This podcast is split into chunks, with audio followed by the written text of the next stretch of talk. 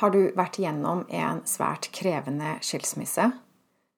Opplever du at myndighetene ikke kan hjelpe deg, men du henger fast i troen på at de bør hjelpe deg?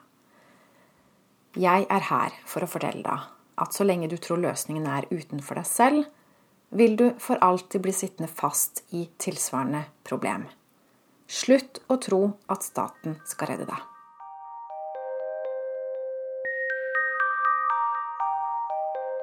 Hei, jeg heter Line Strandvik. Jeg jobber online som personlig veileder, hvor jeg hjelper deg tilbake til sannhet, hvor livet er ekte og meningsfylt. Så jeg har hjulpet mange etter vanskelige skilsmisser. Og jeg har hørt mye, og jeg har også lest mye, og registrerer at folk sliter etter vanskelige skilsmisser. Og folk opplever også at mekling på familievernkontoret ikke nødvendigvis når frem, og ofte gjør vondt verre i de mest konfliktfylte skilsmissene. Mange opplever at ikke det blir trodd. At den som skal hjelpe dem, tror mer på motparten eh, enn på dem selv. Eller de opplever at dem som skal hjelpe dem, er for svake, ikke tør å si ifra, ikke tør å gjøre det som skal til. Eller har for lite kunnskap, eller har for lite forståelse. Eller kanskje også for lite empati. At det er lite hjelp å få. Og fra menn så har jeg også ofte hørt at systemet gir alltid mor rett. Det er et kjønnsdiskriminerende system. Og at det er noe galt med systemet, det er det mange som er enig i. Både menn og kvinner, og sikkert også de som jobber på innsiden av systemet. Myndighetene må gjøre noe, hører jeg utrop. Og myndighetene prøver å gjøre noe. Ordningen med obligatorisk mekling etter samlivsbrudd med barn involvert den ble innført i 1993. Og den har siden vært gjenstand for både diskusjoner og endringer. Kanskje er det noe vi ikke har prøvd før. Kanskje finnes det en ny måte å omorganisere familievernet på, eller gjøre dette på en ny måte, slik at alle blir lykkelig skilt. Vi prøver. Og mange sier også at rettsvesenet de står maktesløse ovenfor sånne mennesker som psykopater og narsissister. Så det funker ikke. Systemet funker ikke. Og noen foreslår at psykologene får mer utdanning, får mer etterutdanning, mens andre sier at du kan ikke forstå det før du selv har opplevd det, så formell utdanning vil ikke hjelpe. Og andre forteller at de ender opp i psykiatrien, hvor de møter narsissistiske behandlere, behandlere som lyver om dem.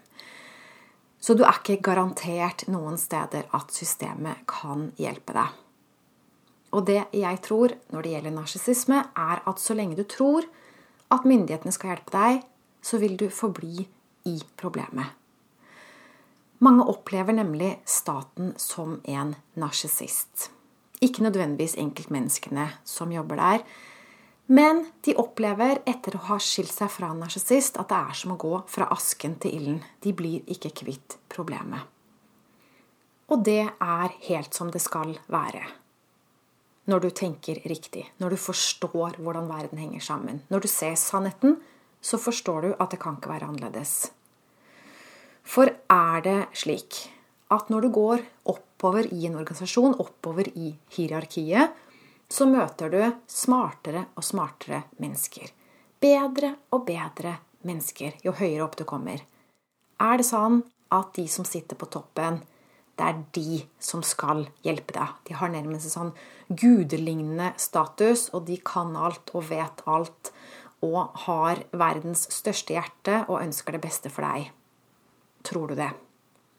Hvis du tror det, så har du for stor tillit til andre mennesker.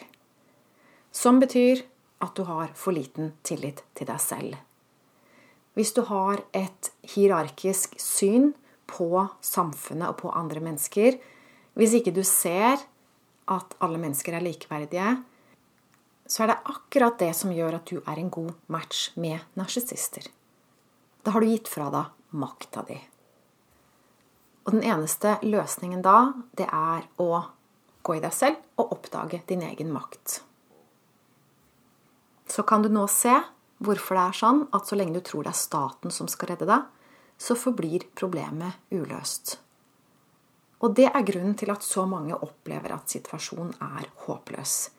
De vil ikke gi slipp på ideen om at det er noe vi må kunne gjøre med samfunnet vårt, med organisasjonene våre, med utdanninga til fagekspertene, noe med organiseringen av disse systemene, organisasjonene. Det må være noe vi kan gjøre. Så lenge vi er der, så kommer vi ikke videre. Derfor vil jeg oppmuntre deg til å slutte å tro at myndighetene eller staten skal redde deg. Innse at de kan ikke redde deg med problemet med narsissisme. Det ligger innebygd i hele problemet at staten ikke kan hjelpe deg. Og jeg vil du skal innse at du kan hjelpe deg selv. Du har makt til å hjelpe deg selv. Selvutvikling er løsningen. Det er måten å gjøre det på. Og når jeg sier at du er den eneste som kan hjelpe deg selv, så jeg sier ikke du skal være så arrogant sånn som du tror at ingen har noe å lære deg. Jeg vil oppmuntre deg til å søke hjelp, men aldri gi fra deg ansvaret for ditt liv eller barnas liv. Du er fortsatt lederen i ditt liv. Du er den øverste myndigheten i ditt liv. Og det er sannheten. Og hvis du tror noe annet, så har du blitt lurt. Og det er ikke din skyld, men det er ditt ansvar å rette opp i. Du kommer ikke fri fra narsissistens grep uten selvutvikling. Det er den eneste måten å gjøre det på. Og husk, en situasjon er aldri fastlåst. Kun dine tanker om situasjonen kan være fastlåst. Og dine tanker har du full kontroll på. Eller du kan i hvert fall få det. Det er du som styrer deg selv, det er du som kan styre deg selv, så du har makt. Du har sannsynligvis mye mer makt over ditt liv og din situasjon enn det du tror. Så se innover etter løsningen, og ikke utover. Takk for nå. Ha det godt.